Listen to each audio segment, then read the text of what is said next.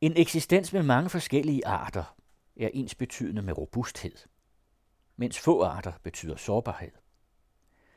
Det danske landskab er massivt domineret af produktion og af byer og veje. Omkring tre fjerdedel af de danske arter, planter, dyr i alle former, er truet på livet, men når Holland kan skaffe plads til naturen, hvorfor kan Danmark så ikke? I udsendelsen taler den anden radio med professor Carsten Rabeck fra Center for Makrobiologi på Københavns Universitet om de politiske rammer for og status på biodiversitet i Danmark, med biolog Bente Sørensen fra Naturteam i Silkeborg Kommune om den kommunale forvaltning, og med biolog Jan Pedersen fra Danmarks Naturfredningsforening om tiltag, der virker. Det er Christina Grossmann Due, der indleder. Danmarks Naturfredningsforening, der er landets største frivillige miljøorganisation, har været ambassadør for dansk natur siden 1911. Foreningen har en lokalafdeling i alle kommuner, og masser af frivillige bidrager til at værdsætte den stedlige natur. Danmarks Naturfredningsforening deltager også i samarbejde og projekter med de kommunale forvaltninger omkring natur og økotyper. Det sker blandt andet i Stævns Kommune i relation til Tryggevælde Å og de enge, som ligger på begge sider af åen. En gang var de de lokale landmænds kør, som afgræssede engene, men med omlægning af drift og staldfodring af kvæg, så ophørte den praksis. I dag er der igen kvæg, som græsser på engen, men det er på initiativ fra Kommune og Naturfredningsforening. Anne Eggen fra den anden radio møder biolog Jan Pedersen ude på Elbæk-engen for at høre om det naturliv, der er på den. Der er mange fugle her. Der er godt med fugle, og vi, vi har også, øh, mens vi har siddet, har vi haft fornøjelsen af viber, der har øh, leget hen over engene. Øh, så altså, der plejer at være viber og rødben og dobbeltbækkesiner og gul vipstjert. Øh, og det er jo arter, som for bare øh, en generation siden var ret almindelige, men som i dag øh, man skal ud sådan og, og gøre en aktiv indsats for at finde øh, forskellige steder. Deres største forhindring er faktisk at finde pletter som det her, hvor der er blevet græsset, og hvor der er vel græsset. Altså det vil sige, at når de kommer nu her i øh, februar og marts måned, så skal vegetationen være så øh, nedbit, lavt voksende, at de har den her udsigt. Fordi vi skal tænke på, at det her område, hvis vi tog herned igen om to måneder, så ville du øh, og jeg synes, hold da op, hvor er det vokset, hvor er der mange flotte farver og alt muligt. Og øh, der ligger de stadig og ruer. Og der kan de så måske ikke længere kigge rundt og se, hvad der kommer snigende ind på dem. Vi kalder engfugle generelt en meget stor håndtrækning ved at, at holde fast i det græssede engareal. Altså at, at blive ved med at sætte køer ud her. Øh, have indhegning med, med stød i og øh, altså sikre, at det her ikke gror til. Du kan lige, du kan lige se her, det, det, det, det er en af vibernes øh, fornemmeste egenskaber, at de, de kan godt øh, være ude på den her eng, sådan en 5, 6, 7, måske endda 8 par, men når der kommer en finde, så er de sammen. Øh, og det er det her kollektive forsvar, som vadefuglene ligesom øh, overlever på, fordi er du en enkelt vibe på en lille, et lille frimærke, Altså, så taler vi mindre end det, vi sidder på nu her. Jeg synes trods alt, det er et ret stort område med sådan 300-400 meter i, i bredden og længden. Men så, så er du meget mere prisgivet. Så bliver du faktisk slidt op i forhold til at skulle hele tiden på vingerne, hver gang der er noget, der forstyrrer dig. Her der kan du fordele det mellem flere forskellige. Vi kan så også se, det de nok var lidt opskræmt over, det er måske øh, musvågen, der hænger herover og spejder efter et eller andet gnaveragtigt.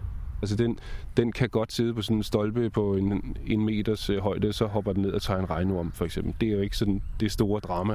Men, men det, er, det er den øh, niche, som den har fået. Altså nu kan vi se, nu stiger den op, og den er en, måske et par hundrede meter op i luften nu. Det er for at få overblik over øh, dens øh, territorie, for at se om der skulle være andre, der også øh, hævder territoriet stadig i nærheden.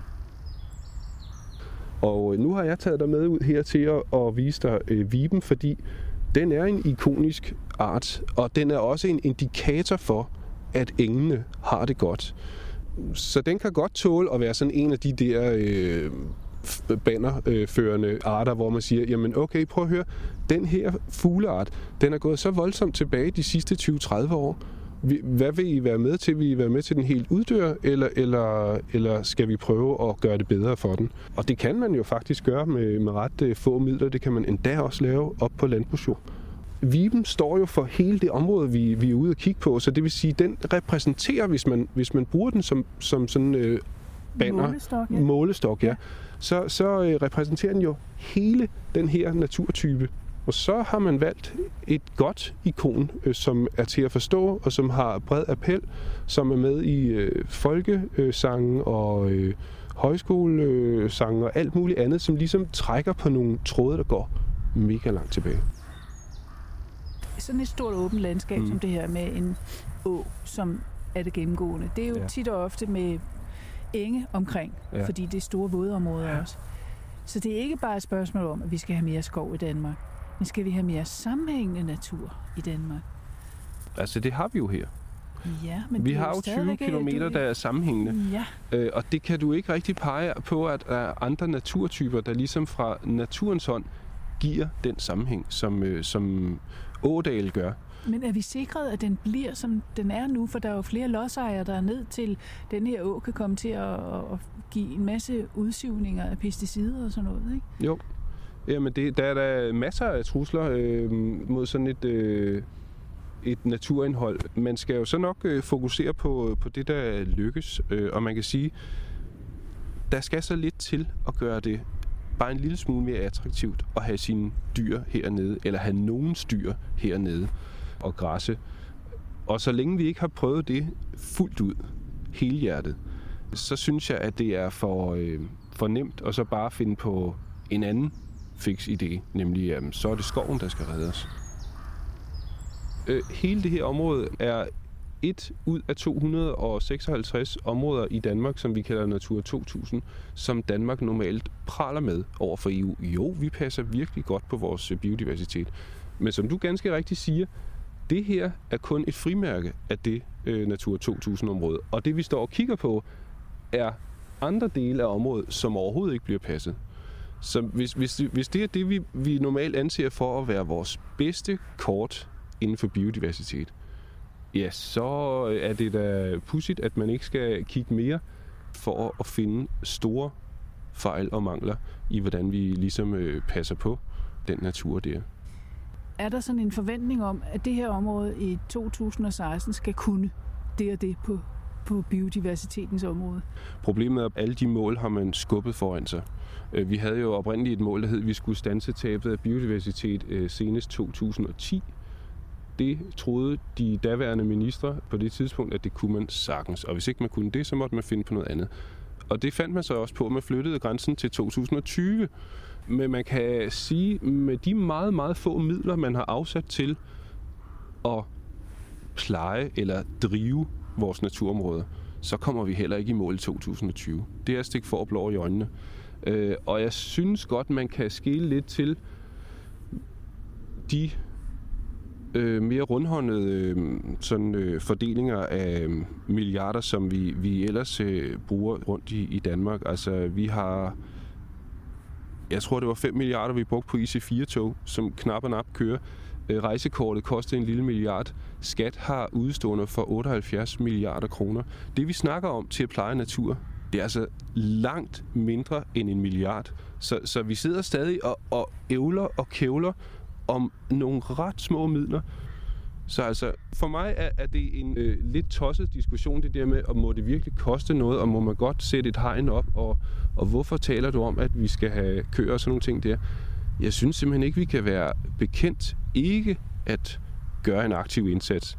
Fordi det, der kommer ud af det, det er så bare, at den næste generation og den næste generation igen, deres øh, plantebøger vil være halvt så tykke som dem, vi er gået rundt med, fordi øh, alt det andet vil ikke være der. Det skal de tage til Sverige eller Letland for at, at finde, og det synes jeg jo ikke er rimeligt. For at høre mere om de overordnede politiske rammer for natur og biodiversitet, har den anden radio mødt Carsten Rabeck, der er professor på Center for Makroøkologi på Københavns Universitet. Ja, man kan sige, at i, i 92 der fik vi øh, noget, som man populært kalder Rio-kommissionen, eller en øh, biologisk kommission, som går ud på, at øh, vi skal passe på naturen ud af moralske etiske årsager, og fordi at vi har brug for de ressourcer, den giver os, så det skal udnyttes bæredygtigt. Øh, og vi har siden da fået nogle øh, FN-beslutninger om, at, øh, at verden skal stå sammen om at bevare vores natur og økosystemer. Og der har man lavet øh, 20 målsætninger, og, og de her ting er jo politisk besluttet, og man kan sige, at øh, alle lande i verden, måske med nogle få undtagelser, jeg ikke lige kan komme i, i tanke om, øh, de har sådan ligesom skrevet under på det her.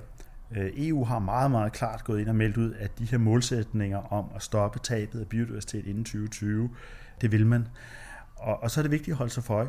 Det er jo ikke forskerne eller NGO'er, der sidder og laver det. Det er faktisk landenes politiske ledelser, der sidder og bliver enige om det her. Så, så de her målsætninger, der er meget ambitiøse på naturens vegne, de er bestemt øh, politiske. Der er lavet en række undersøgelser om, hvor meget borgerne i forskellige lande øh, forstår omkring naturen og biodiversitet. Og øh, vi kan jo godt lide at betragte os selv som utrolig oplyste. Men her rangerer vi ikke alene nederst i Europa, vi rangerer langt lavere end de fleste tredje verdens lande på vores øh, forståelse af biodiversitet. Og det har forskellige årsager. En af årsagerne det er, at øh, Danmark i en lang række år ikke snakkede om biodiversitet, fordi det var der nogen, der mente var for svært et ord at forstå. Så derfor så blev det oversat til alle mulige andre ord som natur. Men natur betyder mange forskellige ting for folk.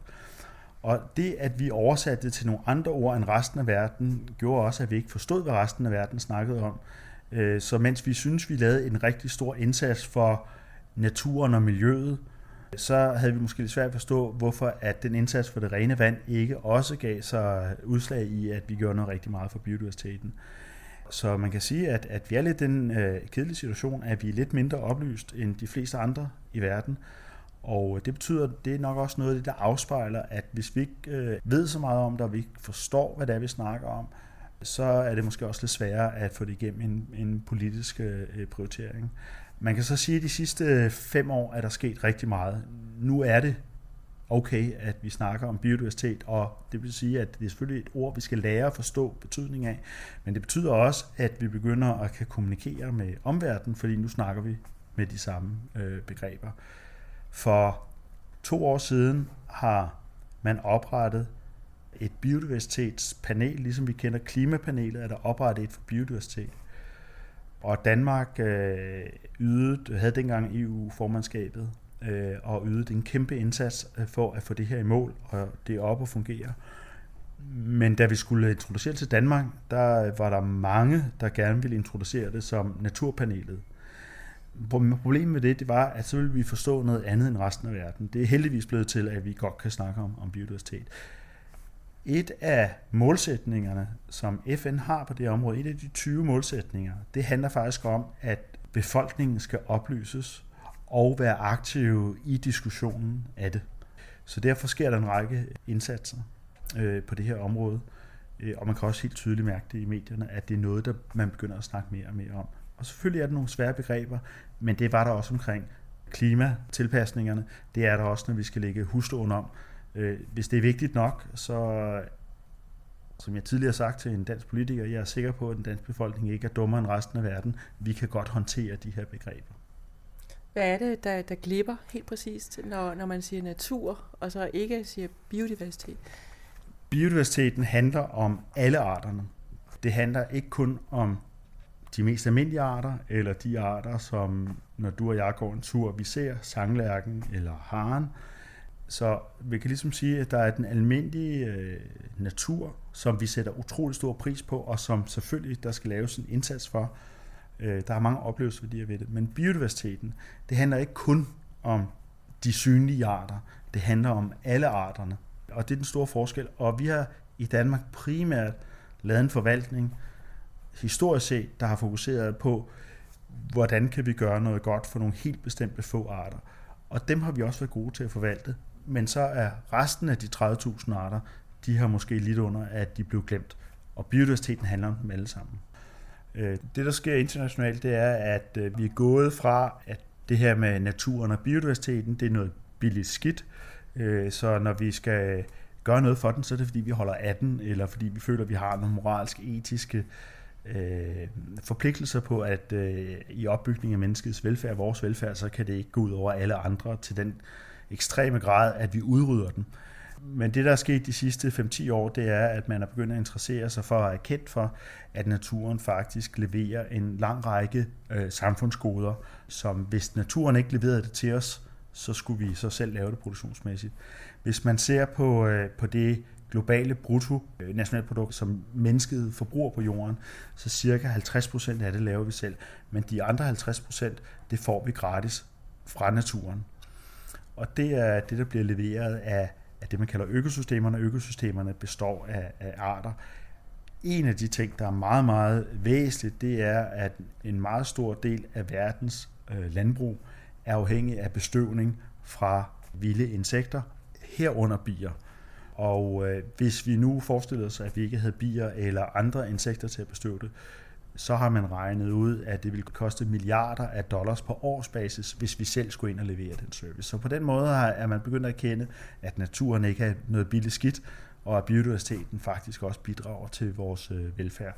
Og her er bierne i de senere år ligesom blevet sådan symbolet på noget, man kan forstå, altså den der bestøvning af væsentligt af bierne. Men det er ikke kun bierne, det er sådan set de fleste flyvningssektor. Ja, der er jo måske mange byboere, som vil sige, jamen kan vi ikke undvære, sagtens undvære nogle af de der mange tusind arter? Jeg har for en del år siden fået et uh, spørgsmål uh, i forbindelse med høring i EU-kommissionen fra en hollandsk kommissær, der sagde, at han havde forstået uh, det med bierne, men når man nu havde, lad os sige, 10 bier, kunne vi så ikke undvære 6 af dem. Uh, og, og det er et super godt spørgsmål. Svaret til det, det er, måske men vi kan ikke fortælle dig, hvilke du kan undvære, for at vi stadig får øh, funktionen og servicen. Og, og det vil sige, at den her mangfoldighed, den gør, at, at naturen er meget modstandsdygtig over for sygdomme og forandringer, her også under øh, klimaforandringer. Og det sikrer, at den type service, vi får, øh, den kan godt modstå de her forandringer og blive ved med at, at, at give os øh, den her service, for eksempel øh, bestøvning.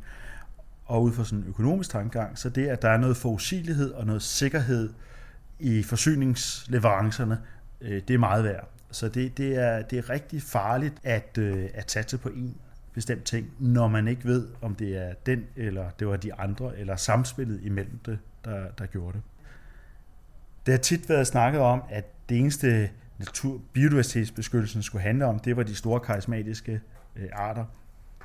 Men øh, problemet med det, det er, at hvis vi er interesseret i alle de der goder, som naturen giver os, så er det ikke de store karismatiske arter, der leverer det.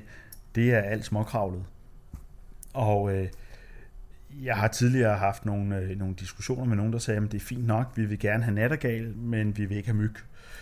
Men problemet er, at hvis nattergalen ikke har myg at spise, så har vi ikke nogen nattergal. Så der er jo en sammenhæng derude. Og det er jo ikke det samme som, at jeg, at jeg elsker at blive stukket af en myg.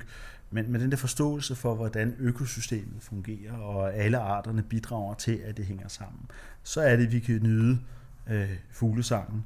Men hvis man er i de områder i verden, der har brugt så mange pesticider, så de fjerder andet insekterne, så er der heller ikke noget fuglesang. Jorden er jo også fuld af, af arter. Jorden er ekstremt øh, fuld af arter. De er så lidt mindre. Det er jo ikke en elefant, der bor nede i, i, i jorden, men hvis man kigger lidt nærmere på det, så, så er de sådan set flotte. Den anden ting, der ligger i det, det er, det tror jeg de fleste haveejere, især dem, der dyrker øh, deres egen grøntsager og sådan noget, øh, de har lært at sætte pris på alle de ting, som de små øh, dyr gør. Det er sådan set forudsætningen for, at de kan få en ordentlig produktion. Og, og det er et udmærket eksempel på, hvad, hvad, hvad, hvad naturen gør for os. Hvor mange arter kan der være inden for et, et lille område, en lokalitet? Uh, I Danmark? Jamen, øh, det kommer lidt ind på, om vi tager det hele med. Hvis vi tager alt det med, der er i, øh, i jord og sådan noget, så vil man i nogle større lokaliteter formentlig sagtens kunne have en, en 400-500 måske øh, flere arter på, på et område. Men så har vi også taget alt, øh, alt med, også det vi normalt ikke går og lægger mærke til. Altså svampe og sådan noget? Jo, men altså også øh, orme i jorden og, og det hele. Men jeg vil sige til sammenligning, at, at, at det er faktisk ret arsfærdigt. Altså hvis vi, øh, hvis vi tog til troberne og, og, og rystede i træ, så ville der falde øh, måske øh, 4.000 insektarter ned for, for et stort træ. Men vi skal være glade for den biodiversitet, vi har i Danmark, og passe på den. Der er noget, der hedder Natura 2000. Hvad er det for noget? Natura 2000 er et redskab, som man har besluttet i EU, at alle landene skal oprette en lang række naturområder, hvor arter skal have gunstige livsbetingelser. Og alle landene er blevet pålagt at udpege de her områder, og det har vi gjort. Danmark er igen et af de lande i Europa, der er udpeget mindst. Men det er ikke nok bare at udpege det, at her skal være vigtigt, her skal naturen have, have det godt, og det er vigtigt for naturen, og der er nogle beskyttelses, juridisk beskyttelseskrav omkring det. Man er faktisk også pålagt at lave en indsats for, at, øh, at naturen har det godt. Og det er lige præcis et af de områder, hvor når man laver sammenlignelige undersøgelser, så ryger Danmark meget langt ned på ranglisten, fordi godt nok har vi udpeget en del områder, men vi har ikke lavet så meget indsats i den endnu, og, og slet ikke sammenlignet med en lang række af vores, vores andre lande. Så, så det er et redskab for EU, der siger, at hvis vi skal bevare den europæiske natur, så skal vi udpege nogle områder, hvor naturen har første ret, og hvor vi skal lave en indsats for at tage sig af den. Det er altså Naturstyrelsen, som efter krav fra EU varetager programmet Natura 2000, og det vil sige udformer naturplaner for særligt beskyttet natur. Det er blevet til i alt 256 områder i hele Danmark.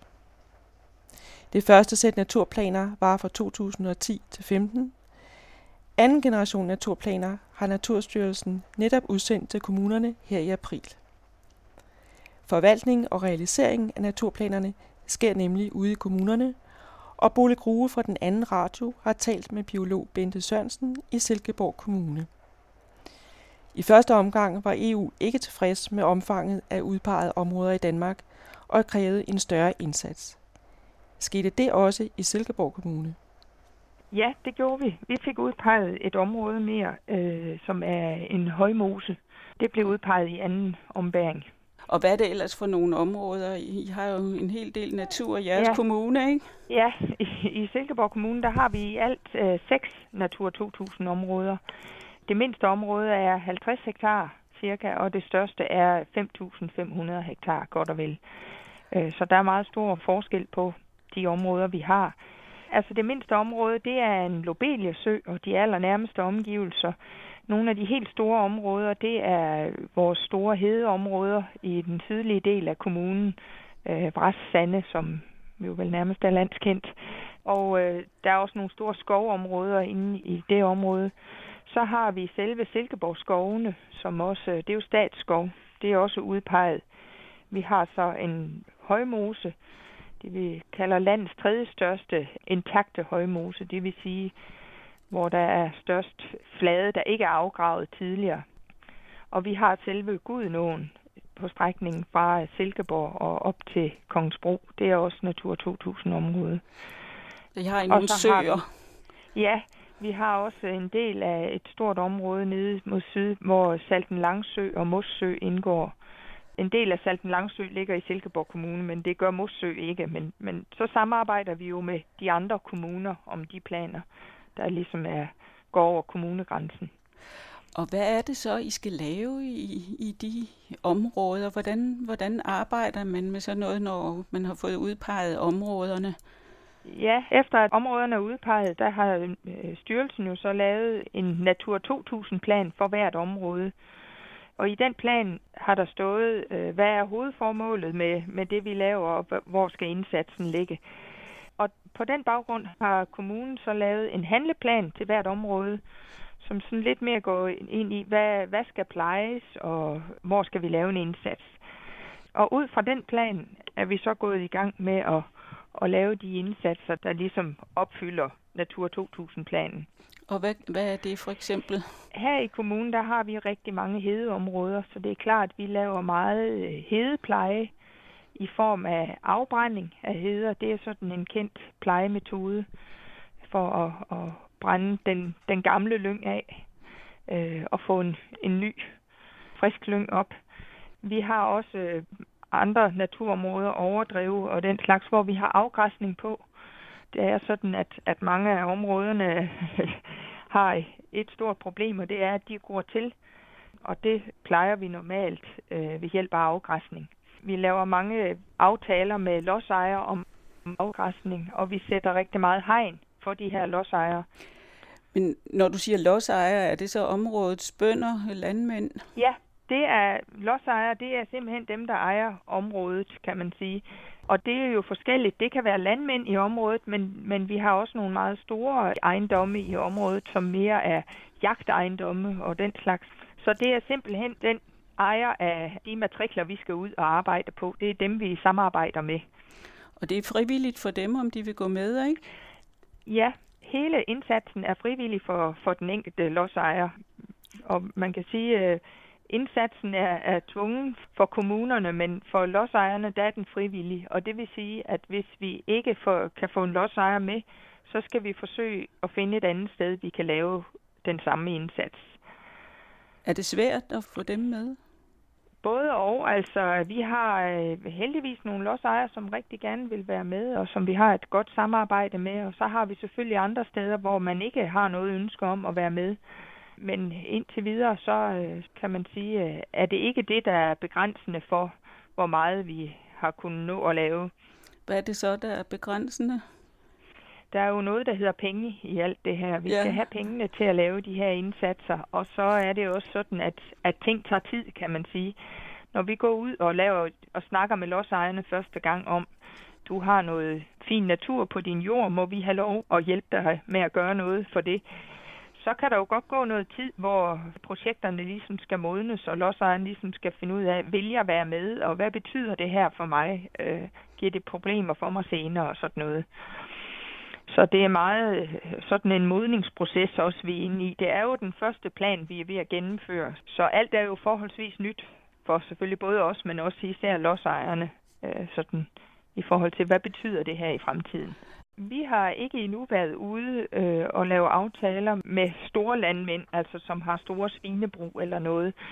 De aftaler, vi har lavet, det er med nogen, som har nogle hyggedyr, altså som er fritidslandmænd, som, øh, som har nogle dyr øh, og gerne vil pleje de her områder. Og ofte gør vi også det, hvis vi skal ud og lave noget på nogle arealer, hvor ejeren ikke selv har dyr, så øh, er vi behjælpelige med at, at lave aftaler med nogle andre, øh, som har dyrene. Og vi sætter hegn også, så vi ligesom forbereder arealet til, at, at det kan afgræsses. Har I fået sådan nogle dyr ud på nogle arealer? Det har vi. Det har vi en del steder. Og vi har også øh, lavet aftaler med lodsejere. Det er jo sådan, at når en lodsejer går med til det her, så får han jo en form for erstatning eller kompensation for at være med fordi vi tager noget jord, som egentlig er noget jord, han kan dyrke, og siger, at der vil vi gerne lave natur. Og så har han jo et driftstab, og øh, det driftstab kompenserer vi så med penge. Og hvor kommer de fra? Jamen, de kommer fra kommunen selv. Det er penge, vi selv finder. Der er ingen EU-penge i det? Ikke til de der erstatninger til lodsejerne. Altså, vi har hele landdistriktsprogrammet, som jo går på afgræsning, øh, hvor man kan søge tilskud til at afgræsse arealer. Det, det er EU-midler. Og man kan også søge tilskud til at ændre på vandstanden i nogle områder og til at forberede et areal til afgræsning, det vil sige fjerne øh, træer og sådan noget. Det er alt sammen EU-midler, det går af. Men og, selve erstatningen til lodsejerne, det er kommunen selv, der betaler. Men de der EU-penge, går de så til, at kommunerne kan gøre de der ting, som du snakker om? Nej, det er lodsejeren selv, der skal søge om de, øh, om de midler. Der er nogle af de store projekter med at hæve vandstand og sådan noget. Det er oftest kommunerne, der søger dem hjem på vegne af lodsejer, kan man sige. Men øh, de der græsningsordninger, som er, er den store del af, af EU-tilskudsordningerne, det er lodsejeren selv, der går ind og, og søger dem hjem. Så han får erstatningspenge fra kommunen, og så skal han ind og søge EU-penge til at drive ja. det med. Ja, støtte kroner til at, at have afgræsningen på arealet. Er der mange ja. lodsejere, der har gjort alt det? Altså, den der med at søge støtte hjem til afgræsning, det har vi en del lodsejere, der gør. Det er der ingen tvivl om. Det, har, det er vi jo ikke så meget inde over, så der bliver der sådan svar skyldig på, hvor mange det er. Men selve de der aftaler med os om økonomi og sådan noget, Det er jo selvfølgelig en opstart endnu, så det er jo få lodsejere indtil videre, vi har lavet de aftaler med. Men det er jo ligesom vejen frem for at, at, at få lavet den her natur, der står i planerne, vi skal lave. Og hvilke dyr og plantearter kræver særlig beskyttelse? Det er øh, frøer og tusser, og det er fire ben, det er flagermus, øh, det er ådderen, og det er nogle biler, også nogle store vandbiler og nogle guldsmede. Der, der er egentlig en stor palette. Der er også nogle planter, nogle, nogle få planter. Øh, en lille plante, som hedder gul stenbræk, som vi har på udpegningsgrundlaget her i, i vores kommune i, en enkelt, i et enkelt område. Og hvad gør I så for at pleje de ting, de dyr og planter? Altså, hvis vi øh, tager noget, øh, et af de steder, hvor vi laver den største indsats, fordi det er på mange måder lige til at gå til, det er, er paderne, altså frøer og tusser og salamander. Der får vi hvert år lavet undersøgelser her i kommunen på, hvor er de henne. Det er, hvad skal man sige, et stort arbejde, for vi har rigtig mange vandhuller her i, i kommunen. Men øh, vi spiser os lige stille igennem vandhullerne her i kommunen og finder ud af, hvor har vi de her arter, især de fjellene, og hvad kan vi gøre for, for det første at sikre bestanden, at den bliver der, men også at øge bestanden. Og det gør vi oftest ved at grave nogle nye vandhuller i de områder, hvor de er, rense nogle ældre vandhuller op, det vil sige øh, fjerne træer omkring vandhullerne, og hvis der er dunham og tagrør, sådan nogle ting, der vokser ud i vandfladen, så renser vi det op. Så det er en indsats, vi egentlig har kørt i en del år øh, i forhold til de her padder. Altså insekterne, det er jo noget med at, at igen undersøge, hvor har vi dem henne, og når vi ved, hvor vi har dem, så lave en pleje på de arealer, som til gode ser de her arter. Fordi insekterne skal ikke altid have den samme pleje, som planterne skal. Så, så man kan faktisk godt komme til at pleje for nogle planter og for en naturtype, og så går det faktisk øh, den forkerte vej for insekterne. Så jo mere viden vi har om, hvor det er, jo bedre kan vi sammensætte øh, hvad skal man sige, plejeprogram for området, som passer til alle arterne. Mm-hmm. Men hvad kan man gøre for en lille bille? Øh, ja. ja, hvad kan man gøre? altså jeg kan for eksempel sige, øh, øh, det er så ikke en bille, men vi har en, en æderkop her i kommunen, Mariehøen æderkoppen, som er sjælden. Øh, og, og der ved vi, den vil gerne have nogle sådan åbne øh, områder i hederne. Altså hederne går jo til i, i hedelyng, kan man sige, og bliver meget tæt. Og der kan man lave nogle, nogle, ligesom nogle åbne huller ved at fjerne hedelyngen i nogle små plamager til den. Så det er ikke nødvendigvis store ting, der skal til for at pleje for, for en art. Men hvornår har I opfyldt det, I skal gøre? Ja, altså øh, en del af det, der skal ske i Natur 2000-planerne, det er, at man lægger nogle områder ud til ny natur. Det var det, jeg forklarede med øh, lodsejeraftalerne, hvor vi går ud og kompenserer. Og der kan jo gå en del år, inden den her naturtilstand, som vi sigter efter, den kommer på arealerne. Så i forhold til at opfylde kravene om, at der skal være en ny natur, så er der ikke nogen fast bagkant på. For at høre mere om, hvordan det går med dansk biodiversitet, spørger jeg Carsten Rabeck fra Center for Makroøkologi på Københavns Universitet, hvor den rigeste natur er. Hvor lever flertallet af vores 33.000 arter? Altså cirka 70 procent af alle de danske arter øh, er i skovene. Så det, det er en meget stor del, der er i skovene. Men det, de 33.000 arter dækker jo det, der er i søer og åer og i havet og på engene og hederne og inde i skoven. Kan du se, hvad det er for nogle typer skov, vi har i Danmark? Jamen altså, den danske skov fra naturens side er øh, primært løvfældende skov. Og rigtig meget af den skov, vi har i Danmark, det er ikke løvfældende skov, og det er produktionsskov, og det er, er rødgrænskov, og vi laver også juletræer og sådan noget. Og, og det er der en god grund til. Altså, vi laver det som produktionsskov. Det er bare ikke natur, og der er ikke ret meget natur i det. Så vores oprindelige skov vil være en, en løvdækket øh, øh skov med, med mange forskellige øh, løvtræer i. Findes der noget som helst af oprindelig skov i Danmark? Nej, det gør der ikke. Altså, vi har to små områder, Draved skov og, og Suserup skov, som er ganske små, og, og det er noget af det tætteste, vi, vi, vi, vi kommer på det, men, men nej, det er der ikke. Altså, og, og hvis vi går et par hundrede år tilbage, så var Danmark stort set uh, ryddet for skov. Så det meste af det skov, vi har, det har vi plantet, og, øh, og det meste af det har vi drevet meget hårdt forsligt. Så det virker rigtig godt som produktionsskov, men som hjemsted for vilde dyr planter, der virker det ikke så godt. Og det er jo så det, man diskuterer meget i øjeblikket. Hvad kan man gøre ved det? Hvordan øh, står det til med øh, biodiversiteten i Danmark? Biodiversiteten i Danmark har det rigtig skidt. Øh, vi har cirka 33.000 arter, og øh, knap 20 procent af dem er truet af udryddelse i Danmark, og, og det er mange, og, øh, så naturen har det rigtig skidt. Når vi afrapporterer naturens tilstand til øh, EU på nogle ansvarsarter, vi har, og, og nogle naturtyper, vi har ansvar for, så skal man afrapportere, om de er gunstige bevaringstilstand eller ugunstige. Og den mest hyppige afrapportering, det er, det er ugunstigt. Altså naturen har det rigtig, rigtig skidt i Danmark. Der må være nogle landskaber, hvor det står værre til end i andre landskaber. Ja, man kan sige, at vi har ligesom tre hovedlandskabselementer i Danmark. Vi har øh, byerne og infrastrukturen, så har vi det åbne land med landbruget og, og hederne og, og engene, og så har vi skovene. Og Danmark var for naturens hånd et skovland, og øh, de meste af den danske, de danske arter tilhører skovene, og de har det rigtig skidt. Øh, størstedelen af de truede arter er i skovene. Men det er ikke det samme som, at vores åbent land ikke har masser af truede arter. Det er næsten ligegyldigt, hvilken øh, øh, naturtype vi kigger på, så, øh, så står det ikke så godt til. Det, der er en årsag til, det er, at vi i Danmark stort set ikke har noget plads til naturen. Og øh, når man ikke har noget plads, så, så kan man ikke leve.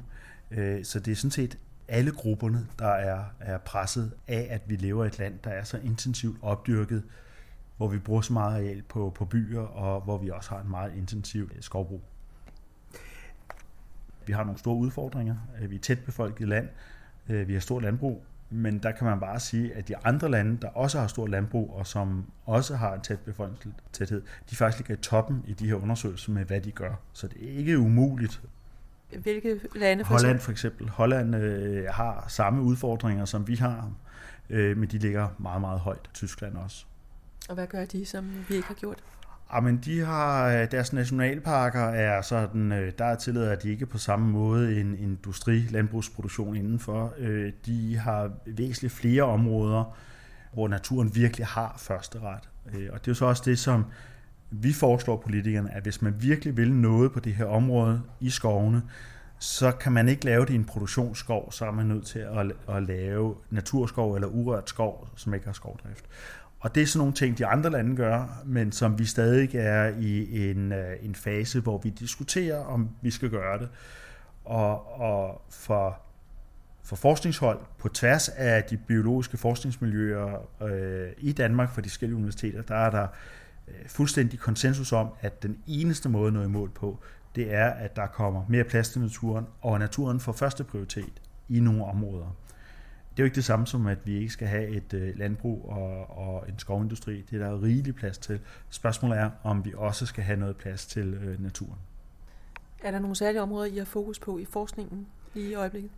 Altså lige i øjeblikket har vi rigtig fokus på, på skoven, fordi skoven har været overset i den danske naturforvaltning. Vi har haft rigtig, rigtig meget fokus på de åbne arealer, øh, det er ligesom også vores barndom øh, og, og, og vores kultur med, med Stenstesen Blikker og alle de her øh, folk med, og, og, og vi har kæmpet med, med, med at vinde Danmark tilbage og hedeselskaber det hele. Og det betyder også, at man øh, på, på naturområdet har haft rigtig stor fokus på at bevare den natur, der har tilknyttet de, øh, de åbne arealer. På skovene har man så gjort væsentligt mindre. Vi har måske haft den opfattelse, at en skov var natur, derfor er den også rig i sig selv. Men en produktionsskov, bare fordi den er grøn, har ikke nødvendigvis øh, stor øh, naturindhold. Øh, så det har været et overset øh, element, og det er ret øh, katastrofalt, hvis man prøver at beskytte de danske arter, da den er afhængig, da en stor del af det er afhængig af skoven. Så der er rigtig meget fokus fra vores side på, hvad kan man gøre for at, øh, at bevare den danske biodiversitet i skovene. Og der er også rigtig stor fokus fra forvaltning og politisk side på, at man erkender og er klar over, at her skal der gøres en indsats, og så er der sådan en diskussion af, hvad, hvad skal man gøre?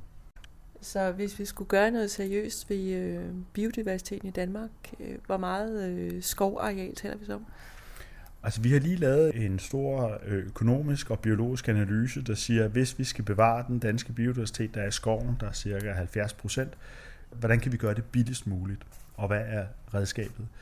Og øh, redskabet til det, det er at lave det, man kalder urørt skov, altså det vil sige urørt af forskelig drift, ikke urørt af mennesker, altså friluftsliv og den type ting kan sagtens stadig øh, forekomme, der er ikke nogen begrænsninger på det. Men simpelthen ud fra den betragtning, at naturen får nok bedre, hvis vi ikke fælder den. Og så har vi regnet ud, hvor meget areal skal der til, for at vi redder øh, den danske biodiversitet i skovene, og, og, og det mindste, vi kan slippe afsted med, det er 75.000 hektar, eller 3% af Danmarks areal, så det, det er meget, meget lidt. Det er så 20% cirka af det danske skovareal. Men det er det, der er behov for, hvis vi vil redde den danske biodiversitet. Det var udsendelsen Biodiversitet, mangfoldig og robust, eller enkel og sårbar i den anden radioserie om liv i landdistrikterne. Miljø- og Fødevareministeriet er netop nu i forhandlinger om en ny naturpakke. Det foregår bag et lukket døre. De medvirkende var professor Carsten Rabeck, Center for Makrobiologi ved Københavns Universitet, biolog Bente Sørensen fra Natur 200 og Naturteam Silkeborg Kommune og biolog Jan Pedersen, Danmarks Naturfredningsforening. Udsendelsen var tilrettelagt af Christina Grossmann Due, Anne Eggen og Bodil Grue.